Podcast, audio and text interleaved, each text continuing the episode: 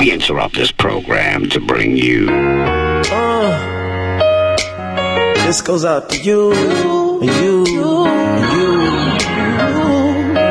and you. Oh. Radio Dialogue giving you a voice.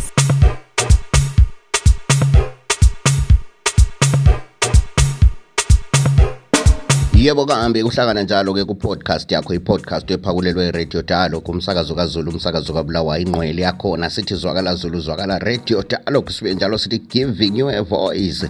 Uhamba lami ke khonaphana ke ugodobori umgonondo omkhulu ongabhekwa ngamehlo. Inyasarandala khonapha ke edolobheni lakobulawayo umsokocwa amagagasi ngithi-ke ngithemba khonapho lapho khona-ke uphephile bakithi ngoba siyabona ke lapha abantu bayafa. Ngecorona yona lesi phakathi ekuqaliseni abantu babesithi angamanga lokho akulanto enjalo ngamanga amakhiwa. Kodwa kathi sesibonile ukuthi hhayi ngempela sikhona-ke lesi sifo. So-ke asiqapheleni bakithi asizameni lathi ngayonke indlela. Ukuzama-ke laphana ukulwisana lokumemetheka kwalo leli gciwane. Kulezi nsuku lo mjovo okhona lawo-ke uqinisekise ukuthi uyahamba uyejova ngikhuluma phela ngevaccine.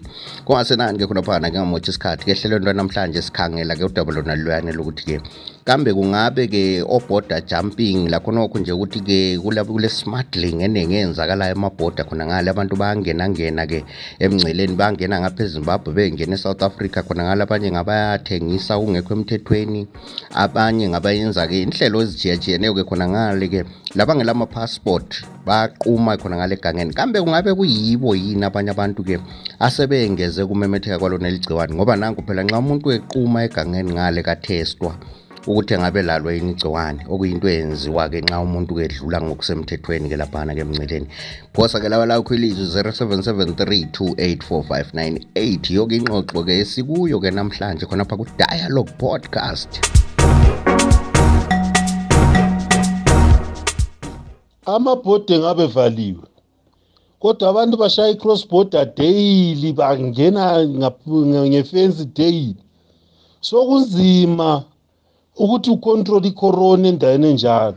Mawuthi uyabheka eh laba abaphethe abomthetho kuningi ukukhohlakala okulapho okungangokuthi abantu abaningi as long umuntu enemali yakhe uyakwazi ukudlula lapha emngceleni.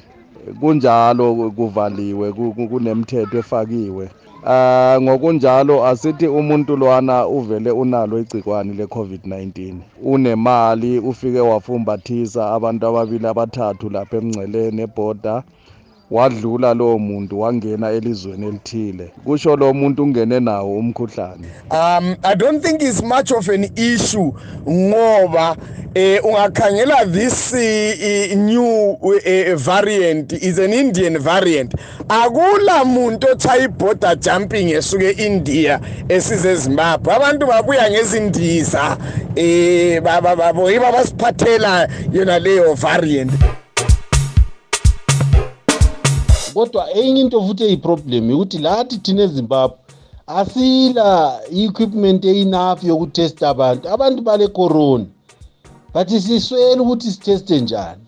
Eh kunzima ukuthi uhalandelela ama-cases wonke la ecorona eh uhambe wathesta ngoba abantu bayabanjwa yiflu engacacile esingayizwisisiyo lapha evala umphimbo kodwa uze kuthiwa hhayi ufuthile se-right. Ah ukuvalwa kwamabhoda hhayi angeke sithi kuyenqabela igcikwane 100% ayisikuthi nje igcikwane lonke e, e, esinalo endaweni. Lisuka libuya kwamanye amazwe. Eh elinye lisuka libuya eh lokho engakubiza ngithi eh, province to province uh, interaction. Uyabazi abantu balenkani engakanani. Kuyathiwa lockdown igqokana amamaski mina enkulumane lapha angiboni muntu ogqoka imaski abantu bazihambela vele besiyathenga emashow emashophu laphana lemsikeni abala mamaski abathengisa emsikeni kwangikhona akula sanitize abantu baziphilela so at the end of the day ukutshona kuthiwa lockdown lokhu yikupho mkwenzi kwenza ukuthi abantu beharare bengahlangani labakobulawayo i-lockdown kayisiyo emisa ukumemetheka kwe-covid-19 but i-lockdown yenzela ukuthi abantu babehave ngendlela ezenza i-covid-19 ingamemetheki. So ukuthi is the lockdown working or not kudependa ukuthi abantu bayayilandela yini uhlelo lwe-lockdown olubekiweyo but ukuvala ibhoda kuyasebenza ukuvala ibhoda kuyanceda ngoba kuyalimitha i-unnecessary movement le-unnecessary transmission across the borders. Kuyancedisa ukuze ma uthola ukuthi kwelinye ilizwe umkhuhlane u- umningi ukudlula kwelinye ilizwe ungatholiseki ukuthi naleli lizwe ebelikade lingcono nalo seliyajika libe nama-cases amaningi.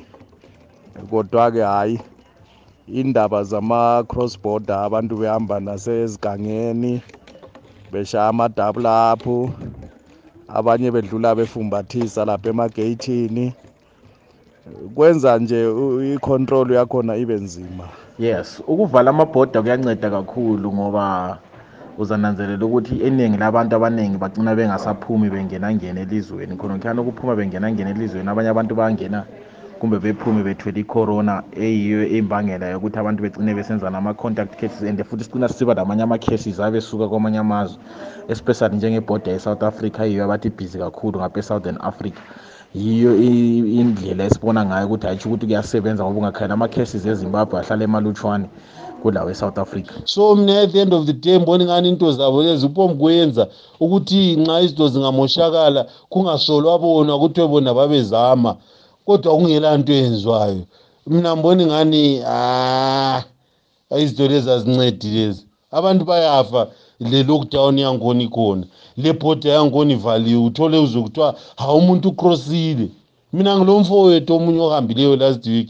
Ha ucrossile ibhodi ivaliwe kunjalo. So at the end of the day uyabona ukuthi ah siyadlala la. This goes out to you, and you, and you, and you. Oh, Radio Dialogue giving you a voice. Ah, lokho okokuthi i-covid wathi wathi kuvala amabhoda kuvala izikolo kuvala izitolo kambe shuwa wayi bengakuyekeli? I-covid le kanti vele sibuyile. Siphile layo njengaboshuga o-bp o-tb so kati yona i-covid yiyo eqakatheke okwedlula eminye yini imikhuhlane? Ye ukubulala iyabulala sibili liqiniso. Kodwa-ke i ngabona ukuvala amabhodi ukuvala izikolini this is another punishment ebantwini. Ngumbono wami lo khukhumela